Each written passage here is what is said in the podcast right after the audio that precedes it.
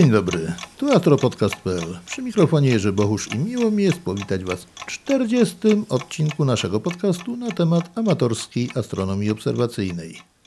W poprzednim odcinku mówiliśmy sobie o Jowiszu, który nie tak dawno przeszedł przez punkt opozycji względem Słońca. Dosłownie kilkanaście dni potem w opozycji była również planeta Saturn. Dlatego dziś pomówimy sobie trochę na temat Saturna, historii jego badań i jego obserwacji. Saturn jest bardzo niezwykłą planetą i to pod wieloma względami. Patrząc na Saturna, musimy sobie uświadomić jedną rzecz, że jeszcze niecałe 500 lat temu, a nawet jeszcze później, to niektórzy uważali go, że to jest ostateczna granica wszechświata. Ówczesny wszechświat zamykał się wokół geocentrycznego układu słonecznego. Ziemia była centrum wszechświata, wokół niej obiegały planety, Słońce, Księżyc. Saturn był ostatnią planetą. Dalej świat się kończył. Zamknięty był ostatnią, ósmą bodajże sferą gwiazd stałych, czarną, a poza tą sferą było już tylko primum mobile. Coś, co wprawiało cały ten wszechświat w ruch, sprawiając, że obracał się dostojnie raz na 24 godziny wokół własnej osi, wykonując doskonały ruch po doskonałej figurze, jaką był okrąg. I tak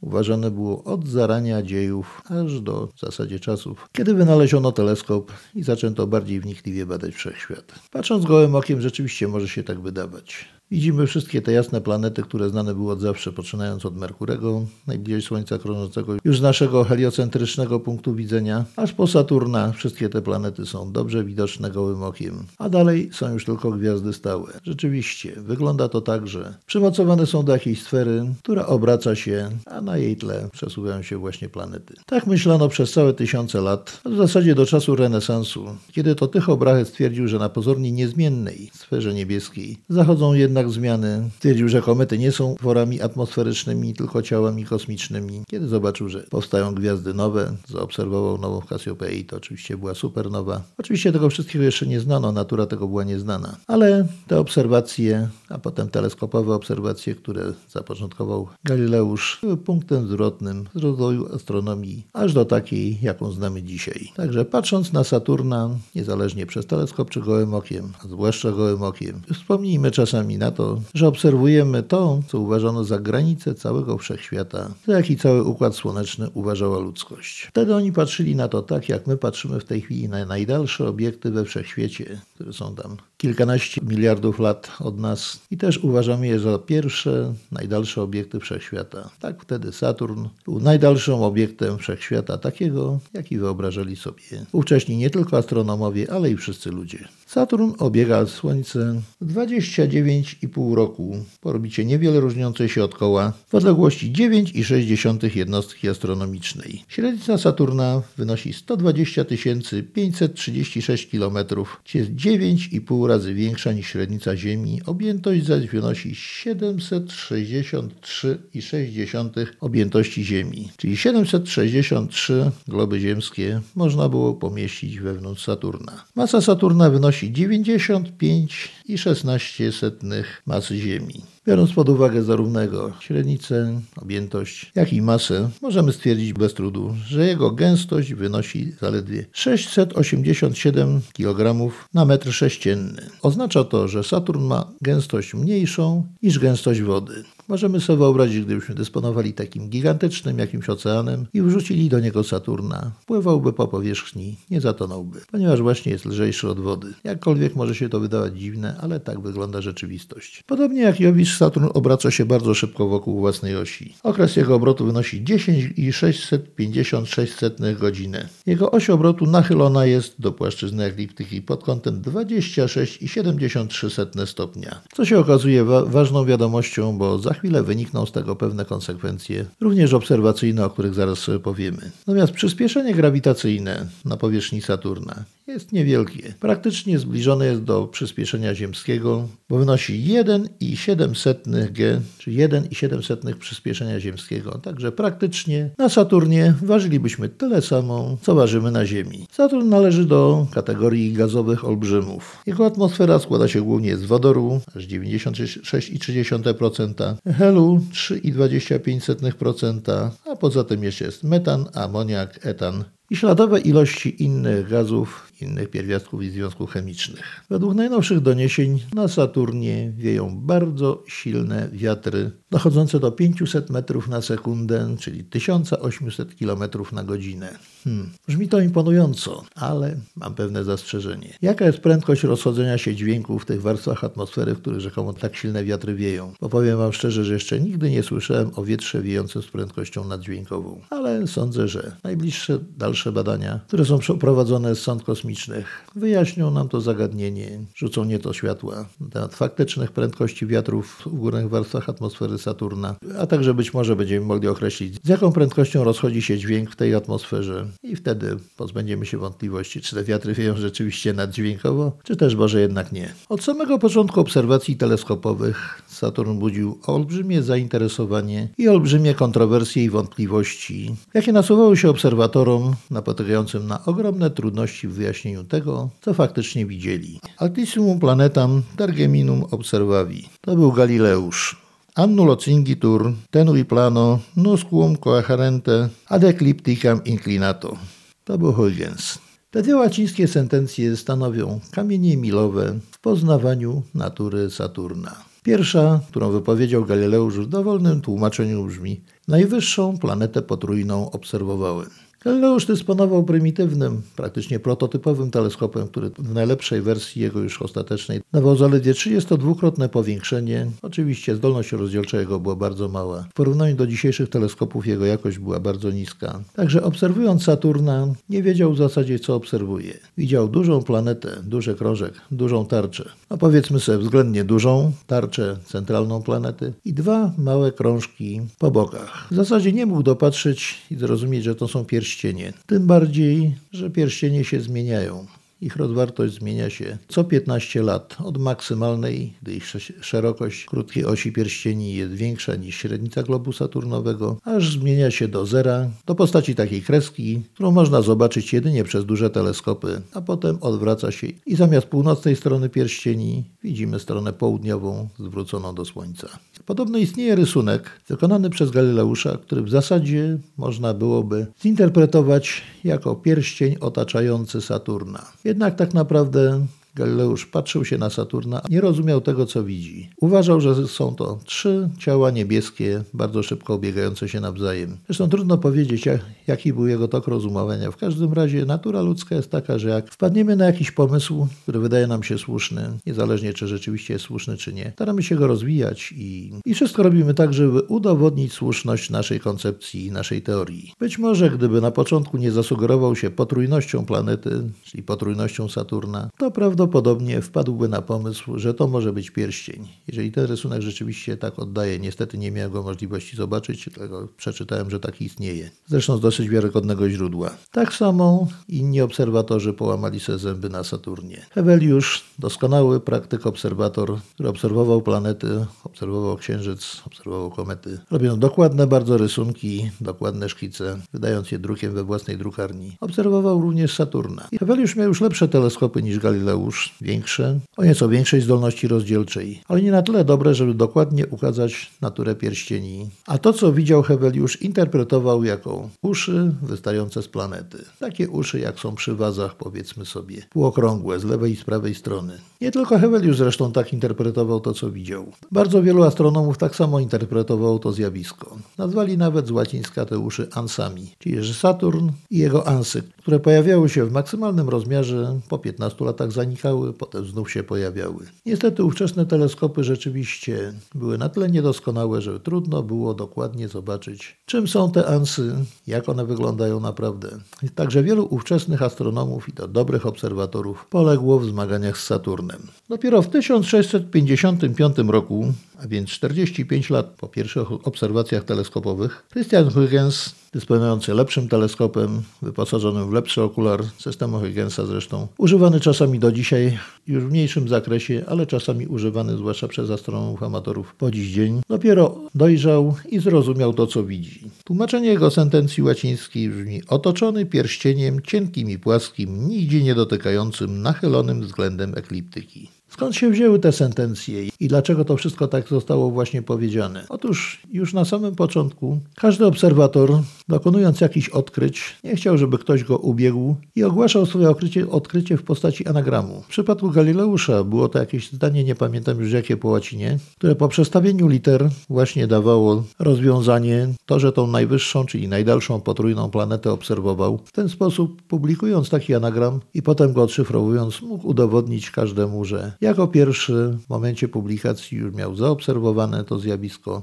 natomiast dalej obserwował, żeby to wyjaśnić, żeby się upewnić, że jego odkrycie jest prawdziwe. To samo dotyczyło Huygensa. Odkrył on pierścień, ale też na samym początku nie był pewien tego, co widzi. Musiałby przeprowadzić parę kontrolnych obserwacji. Zapewne bardzo się zdumiał tym, co zauważył, a swój anagram ułożył nie w postaci jakiegoś zdania, ale w ciągu liter alfabetu poszczególnych zebranych w grupy, które po ułożeniu tą sentencję łacińską dawały rozwiązanie potwierdzające jego odkrycie. Stąd się właśnie wzięły te anagramy, stąd wzięły się te sentencje. Zarówno jedna, jak i druga wyznacza nam postęp w badaniach pierścieni Saturna w rozumieniu jego natury. Dalej, w miarę ulepszania teleskopów, konstruowania coraz lepszych, dokładniejszych, o większej zdolności rozdzielczej, następował rozwój badań nad Saturnem i jego pierścieniami. Jak w roku 1675 Cassini w obserwatorium paryskim, dysponując już lepszym teleskopem, odkrywa przerwę między dwoma pierścieniami, zwaną po dziś dzień przerwą Cassiniego. W miarę badań stwierdzono, że pierścień nie jest tworem jednym, sztywnym, tak jak płyta gramofonowa, obracająca się wokół globu,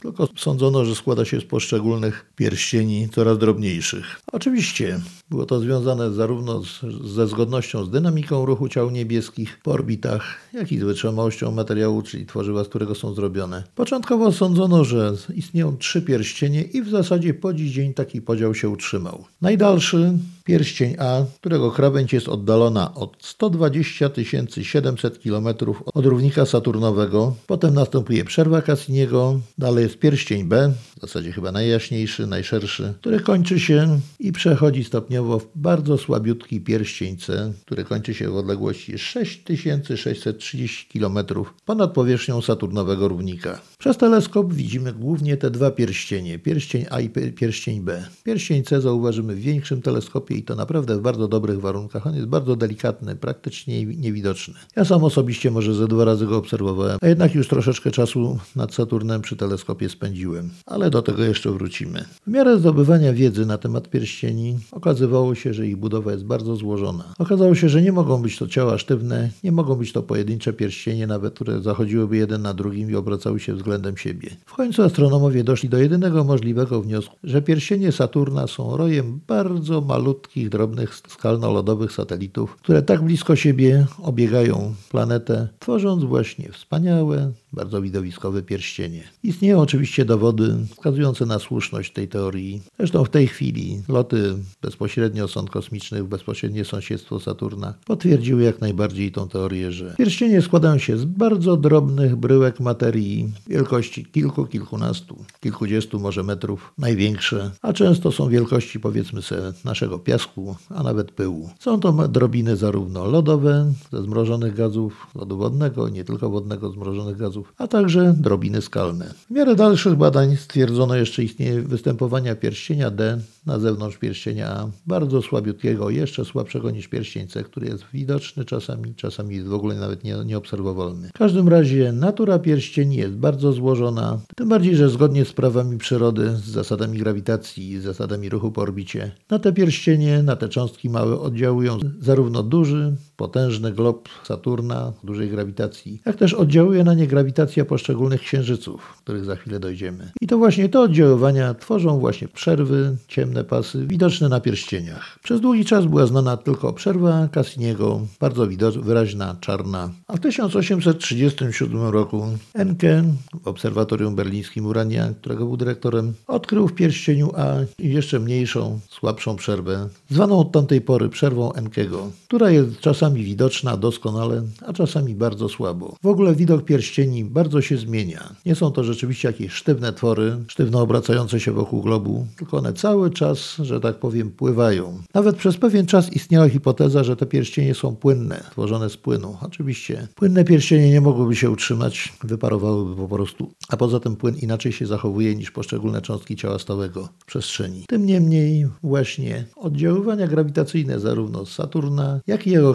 księżyców, zwłaszcza tych masywniejszych, powodują, że te mniejsze przerwy, takie jak przerwa Enkego, czasami jest dobrze widoczna, a czasami po prostu wypełnia się tymi cząsteczkami, tymi mikrosatelitami, z których utworzone są pierścienie i wtedy jest słabiej widoczna, a czasami nie jest widoczna w ogóle. To trzeba mieć na uwadze, kiedy obserwujemy Saturna przez teleskop i kiedy spodziewamy się czegoś zobaczyć, a czegoś nie widzimy. Ale do tego jeszcze za chwilę też wrócimy. Bardzo dobrym potwierdzeniem obserwacyjnym tego, że pierścienie Saturna zbudowane są z drobnych cząstek okrążających w ogromnej ilości planetę i tworzących pierścienie, jest zakrycie gwiazdy przez Saturna. Podobnie jak Księżyc i inne planety podążające wzdłuż ekliptyki, tak samo Saturn zakrywa co jakiś czas jakąś gwiazdę na swojej drodze. Po prostu jest na jednej linii widzenia między nami, obserwatorami na Ziemi, a gwiazdą, na którą patrzymy. Dotychczas obserwowano tylko dwa razy takie zjawisko. I to nie zakrycie przez glob planety, a właśnie zakrycie przez pierścienie. Nie pamiętam w tej chwili kto, ale już wcześniej ktoś mówił, że idealnym dowodem na to, że pierścienie składają się z bardzo drobnych ciał, a że przerwa Cassiniego nie jest tylko czarną linią, czarną plamą, jakąś czarną, czarną barwą tego pierścienia, a jest rzeczywistą przerwą, byłoby zaobserwowanie przejścia gwiazdy zarówno przez pierścienie, jak i tą przerwę. W obu przypadkach takie zjawisko miało miejsce. Co się okazało? Gwiazda zanikała stopniowo, migotała cały czas przechodząc przez pierścienie, ale nigdy nie zanikała praktycznie całkowicie.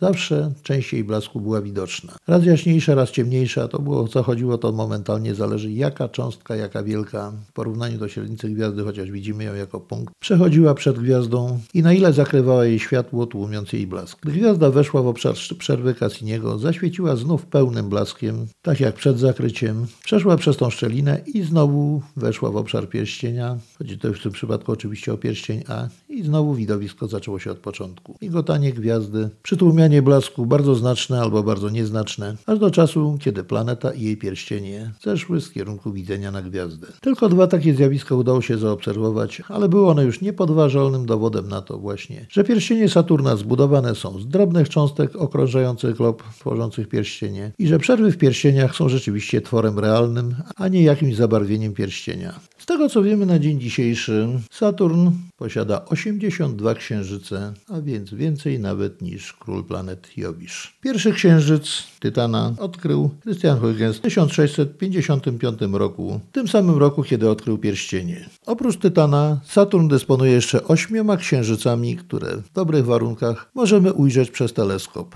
Taki nie za duży amatorski, rzędu kilkunastu do 30 cm.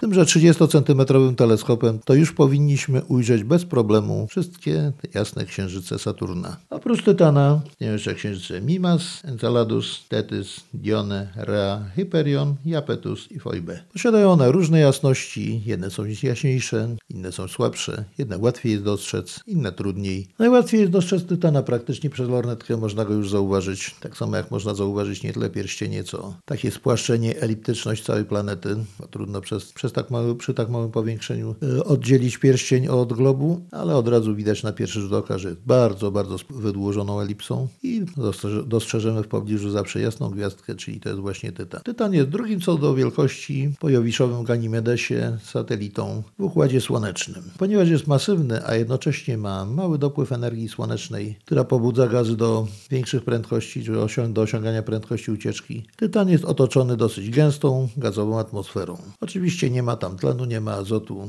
to są inne gazy raczej niesprzyjające życiu, takiemu jak nasze. Jednak naukowcy z tym, z tym faktem wiążą duże nadzieje. W tej chwili wylądowała już tam sonda, która przekazuje dane z powierzchni Tytana. Oczywiście to są wszystko jeszcze wstępne dane. Po dłuższym czasie opracowania analiz prawdopodobnie zostaną udostępnione szerokiej rzeszy ludzi i będziemy wiedzieli, co tam się na tym Tytanie dzieje, jakie warunki panują. Oczywiście przez teleskop nie dopatrzymy się ani atmosfery, a, a żeby zobaczyć jego tarczę, musimy dysponować już dosyć sporym teleskopem. Tym niemniej Widząc ten jasny punkt w pobliżu Saturna, zmieniający regularnie jego położenie wokół planety, warto wiedzieć, że jest to największy jego księżyc, drugi pod względem wielkości w całym Układzie Słonecznym, większy od naszego, większy chyba nawet od planety Merkury, a wszystkie pozostałe księżyce już są znacznie mniejsze, pozbawione atmosfery. Tym niemniej, jak wykazują zdjęcia z sąd kosmicznych przelatujących w pobliżu, tam też coś się dzieje. Tylko w tym momencie nie będziemy już wnikali w szczegóły, co tam się dzieje. W każdym razie pewne aktywności też się jakieś ukazują.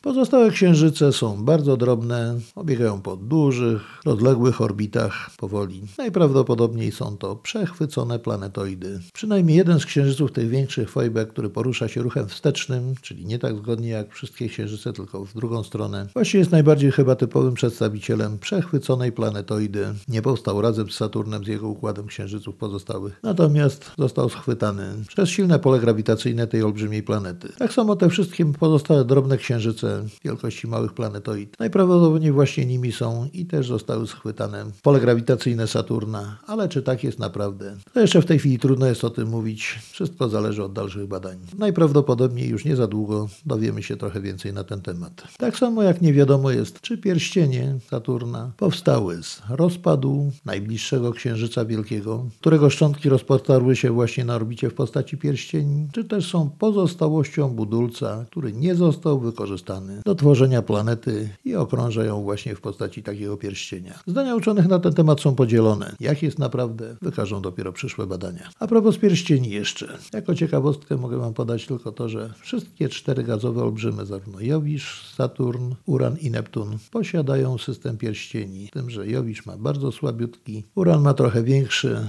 Neptun w zasadzie to tylko z bliska stwierdzono jego obecność. Ale właśnie wszystkie te gazowe olbrzymy posiadają takie pierścienie, z tym, że Saturn ma największy, najbardziej rozległy i oczywiście najbardziej widowiskowy. Saturna dosyć trudno jest przegapić na niebie. Pod względem obserwacyjnym jest on nieco trudniejszym od Jowisza obiektem, ale jest tak samo łatwo dostrzegalny. Jego jasność wynosi od plus 1 magnitudo do 0 magnitudo, także zawsze jest bardzo jasny, a średnica tarczy jego globu waha się w granicach 14,5 sekundy do 20,1 sekundy kątowej, zależnie od położenia. Oczywiście 20,1 to będzie w opozycji, a 14,5 będzie w koniunkcji ze Słońcem. Oczywiście wtedy nie możemy go obserwować, ponieważ ginie w blasku słonecznym. Saturn bywa w opozycji w różnych porach roku. Akurat teraz, latem, jest niezbyt dogodny do obserwacji, ponieważ jest nisko nad horyzontem, gdzie atmosfera jest mniej, mniej spokojna, bardziej zanieczyszczona,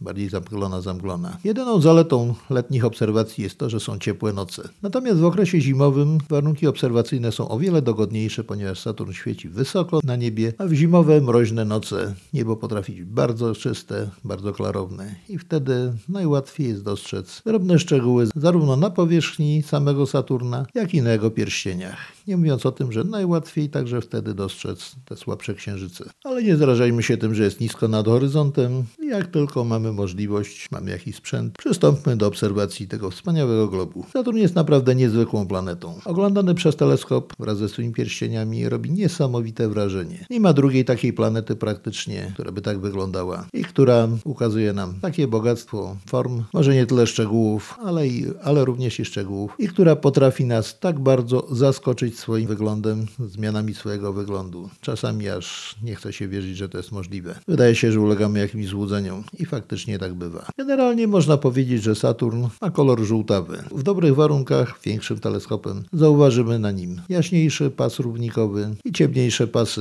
zbliżające się coraz bardziej do biegunów. Wszystkie te pasy, te twory są bardzo zmienne, potrafią się zmieniać dosłownie z nocy na noc, albo też trwać przez dłuższy czas. Przez większe teleskopy, do 30 cm i więcej, mogą być widoczne także jasne białe plamy związane z cyrkulacją atmosfery, z burzami występującymi na Saturnie, ale to już jest, że tak powiem, wyższa szkoła jazdy. Do tego jest potrzebny większy sprzęt i większe doświadczenie. Na Saturnie, jako że jest praktycznie prawie dwa razy dalej niż Jowisz od nas, a jednocześnie jest nieco mniejszy, będziemy mieli tr większą trudność z dostrzeżeniem jakichkolwiek szczegółów. A na pewno już nie łudźmy się, że dostrzeżemy słynną sześciokątną nakrętkę biegunową, którą widać na zdjęciach z sondy Cassini. Skąd się ten twór wziął? Dlaczego dlaczego tak jest, uczeni nie są pewni. Zdania są podzielone, ale tak naprawdę to chyba jeszcze dokładnie nie wiedzą. Bardzo spektakularnie to wygląda na zdjęciach. Rzeczywiście jak jakiś kołpak zabezpieczony nakrętką, mówiąc językiem techniki, ale przez teleskop z Ziemi na pewno tego nie zobaczymy. A to na pewno jesteśmy w stanie zobaczyć właśnie jakieś pasy zmieniające się, jaśniejsze w, w okolicach równika, bardziej ciemne obszary w okolicach biegunów, no i oczywiście pierścienie. Już przez lornetkę jesteśmy w stanie zauważyć, że Saturn jako taki nie jest planetą okrągłą, a bardzo eliptyczną, wydłużoną, poziomo wydłużoną w kierunku wschód-zachód. I to mniej więcej tak prawie 1 do 3.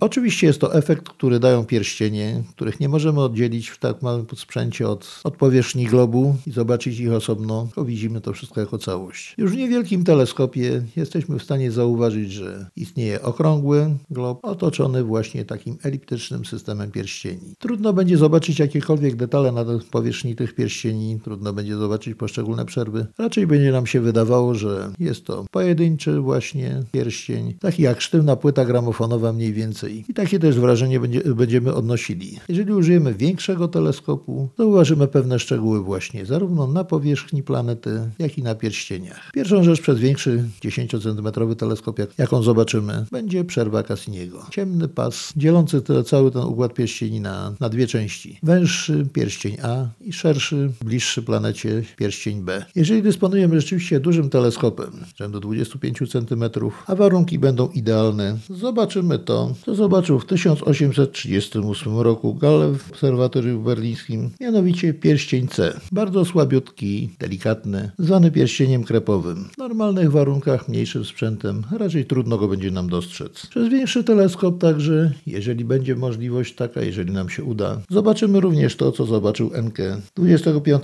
kwietnia i 28 maja 1837 roku, a mianowicie przerwę Enkego, która dzieli pierścień A mniej więcej tak na trzy części. Jest bliżej krawędzi zewnętrznej niż wewnętrznej, chociaż jej położenie jest zmienne. Możemy ją zobaczyć zarówno jako regularny pierścień, czarny pierścień, taką przerwę między pierścieniami, a możemy zobaczyć ją jedynie jako bardzo słabiutkie pociemnienie, albo nawet czasami tylko w skrajnych punktach najdalszych pierścienia, jedynie jako takie ciemniutkie kreski, jakby delikatnie zarysowane cieniutkim ołówkiem, tak zwane enke minima, czyli minimalne pociemnienie tego pierścienia. Zależy to właśnie wszystko od tego, jak oddziałują grawitacyjnie w danym momencie księżyce Saturna na te pierścienie, jak wypełniają cząstkami tą szczelinę, ponieważ czasami ją wypełniają dosyć mocno i przestaje być widoczna, a czasami powodują, że szczelina ta pustoszeje i jest wtedy doskonale widoczna. Praktycznie codziennie widzimy inną rozwartość pierścieni. Ponieważ w sposób ciągły Saturn obiega Słońce, a położenie pierścieni w przestrzeni jest cały czas jednakowe, zgodne z nachyleniem osi obrotu do ekliptyki. Dlatego jest w pewnym momencie, widzimy pierścienie maksymalnie rozwarte, są szersze wtedy, wtedy ta mała półoś elipsy, jaką tworzą pierścienie, jest większa niż średnica saturnowego globu, a po 15 latach od tej największej przechodzi do wąskiej, cieniutkiej kreski, widocznej jedynie przez duże teleskopy, a przez małe praktycznie niewidocznej. Jeżeli jest taka sytuacja, to znaczy, że patrzymy na pierścienie dokładnie z boku. Okazuje się, że pierścienie są bardzo cienkie, mimo że są bardzo rozległe, duże, to ich grubość jest nieznaczna. Początkowo wydawało się, że to są grube, masywne pierścienie rzędu setki kilometrów grubości. Potem w ciągu dalszych badań okazywało się, że są coraz cieńsze. Na dzień dzisiejszy szacuje się, że one mają poniżej 100 metrów. Niektóre źródła nawet podają, że mają grubość zaledwie 20 metrów, czyli to jest naprawdę bardzo cienki twór, a jednocześnie bardzo rozległy. Czy to jest naprawdę zaledwie 20 metrów? Trudno mi powiedzieć. To już fachowcy interpretujący zdjęcia z pokładu sąd kosmicznych mogą się bardziej lepiej wypowiedzieć na ten temat. Ja osobiście nie wypowiadam się, chociaż troszeczkę wątpliwości mam co do aż tak małej grubości. Tym niemniej może się okazać, że właśnie dokładnie tak jest. W czasie, kiedy widzimy te pierścienie z boku, jednocześnie widzimy, podobnie jak u Jowisza, satelity w jednej linii, ponieważ mniej więcej krążą w płaszczyźnie orbity pierścieni. Albo ich orbity są nieznacznie tylko nachylone do tej płaszczyzny, nie licząc oczywiście Fojbę i tych drobnych księżyców, których raczej nie zdołamy zaobserwować. Jeżeli widzimy taką kreskę pierścieni widzianych z boku i widzimy na ich tle satelitę, wydaje się, że na pierścieniach istnieją góry. Tak też kiedyś to interpretowano, dopóki nie zrozumiano, że to po prostu nie są góry, a te góry się po prostu przesuwały, wysuwały się poza obręb pierścieni i okazało się, że to tylko satelita rzutujący się na tą kreskę pierścieni cieniutką. To jednocześnie też świadczy o tym, że te pierścienie rzeczywiście zbyt dużej grubości nie mają i daje się potwierdzać jednak te 20 metrów które są oficjalnie w tej chwili podawane przez niektóre źródła oczywiście. Ten moment, kiedy patrzymy na pierścienie z boku jest też momentem takim przełomowym, bo jeżeli najpierw obserwujemy stronę północną pierścieni, to później obserwujemy pierścienie od dołu jak gdyby, czyli od strony południowej. I tak po następnych 15 latach znowu będziemy obserwowali kreskę, czyli pierścienie z boku, albo nawet nic nie zaobserwujemy oprócz satelitów idących w jednym, w jednej, leżących w jednej linii, a potem znowu będziemy obserwowali pierścienie od strony północnej. Zobaczcie jeszcze jedno, może ciekawostkę taką. Jak pierścienie rzucają cień na powierzchnię globu Saturna jak Saturn rzuca cień swój własny na powierzchnię pierścieni. Gra światła i cienia jest niesamowita. Powiem wam, że kiedyś pewnej, pewnej pięknej nocy jeszcze w Gdyni obserwowałem przez 11-centymetrowy teleskop, czyli przez Micara, właśnie Saturna. Spojrzałem na niego i się potwornie zdziwiłem. Jakkolwiek by nie patrzeć, Saturn nie był okrągły. Znaczy, on, znaczy tak naprawdę to on okrągły nigdy nie jest, bo podobnie jak Jowisz ma dosyć duże spłaszczenie biegunowe ze względu na swoje szybkie obroty. Jak się mu dobrze przyjrzeć, zwłaszcza przez większy teleskop, to widać, że, że jego krawędzie nie są idealnym okręgiem, ale są właśnie taką wydłużoną elipsą, owalem takim. Ale w pierwszym przybliżeniu, przy malutkim powiększeniu możemy przyjąć, że jest okrągły.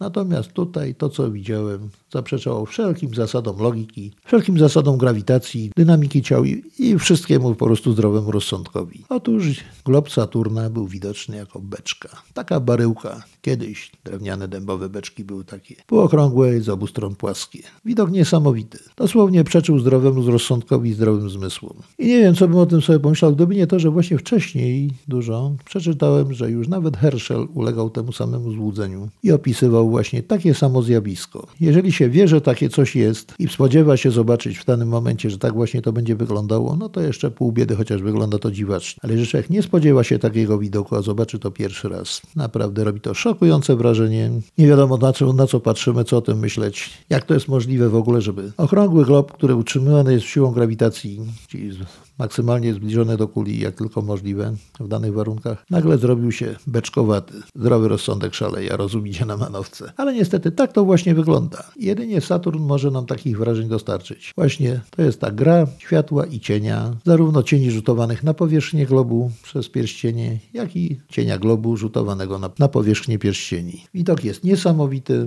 niespodziany zupełnie. Warto kiedyś spróbować go zobaczyć. Nie zawsze to tak wygląda, tylko przy pewnym położeniu pierścieni, przy pewnym rozwarciu pierścieni i pewnym położeniu ich względem Słońca. Ale jeżeli Wam się uda, gwarantuję Wam jedno. Zdziwienie pełne, a jednocześnie zachwyt nad tym, co natura może nam ukazać. Oczywiście, cały czas obserwując może nam się uda kiedyś trafić właśnie na zakrycie gwiazdy przez Saturna, przez jego pierścienie. Wtedy widowisko jest gwarantowane, ale to jest ostatecznie dosyć skrajne zjawisko, także trudno to oczekiwać, żeby było. Ale w dzisiejszych czasach, kiedy informacje rozchodzą się błyskawicznie, gdyby takie coś miało mieć miejsce wkrótce, na pewno jakaś efemeryda do Was dotrze, a wtedy tylko już nie przegapcie tego, bo szkoda byłoby. I, I tak oprócz kwestii czysto obserwacyjnych, czyli dostrzegania jakichś szczegółów, zmian na tarczy Saturna, zmian w wyglądzie jego pierścieni, które możemy zarejestrować zarejestrować, zanotować i ewentualnie ich wyniki wysłać do. No w Polsce nie ma żadnej sekcji planetarnej, ale zarówno do BAA, do sekcji planetarnej Brytyjskiego Towarzystwa Astronomicznego, jak i do ALPO i Stowarzyszenia Obserwatorów Planet i Księżyca. Zarówno jedna i druga organizacja mają sekcję poświęconą właśnie m.in. Saturnowi i tego typu obserwacje, oczywiście już opisane odpowiednio, opracowane wstępnie, można wysłać do nich. Na pewno nie odrzucą ich, będą zadowoleni.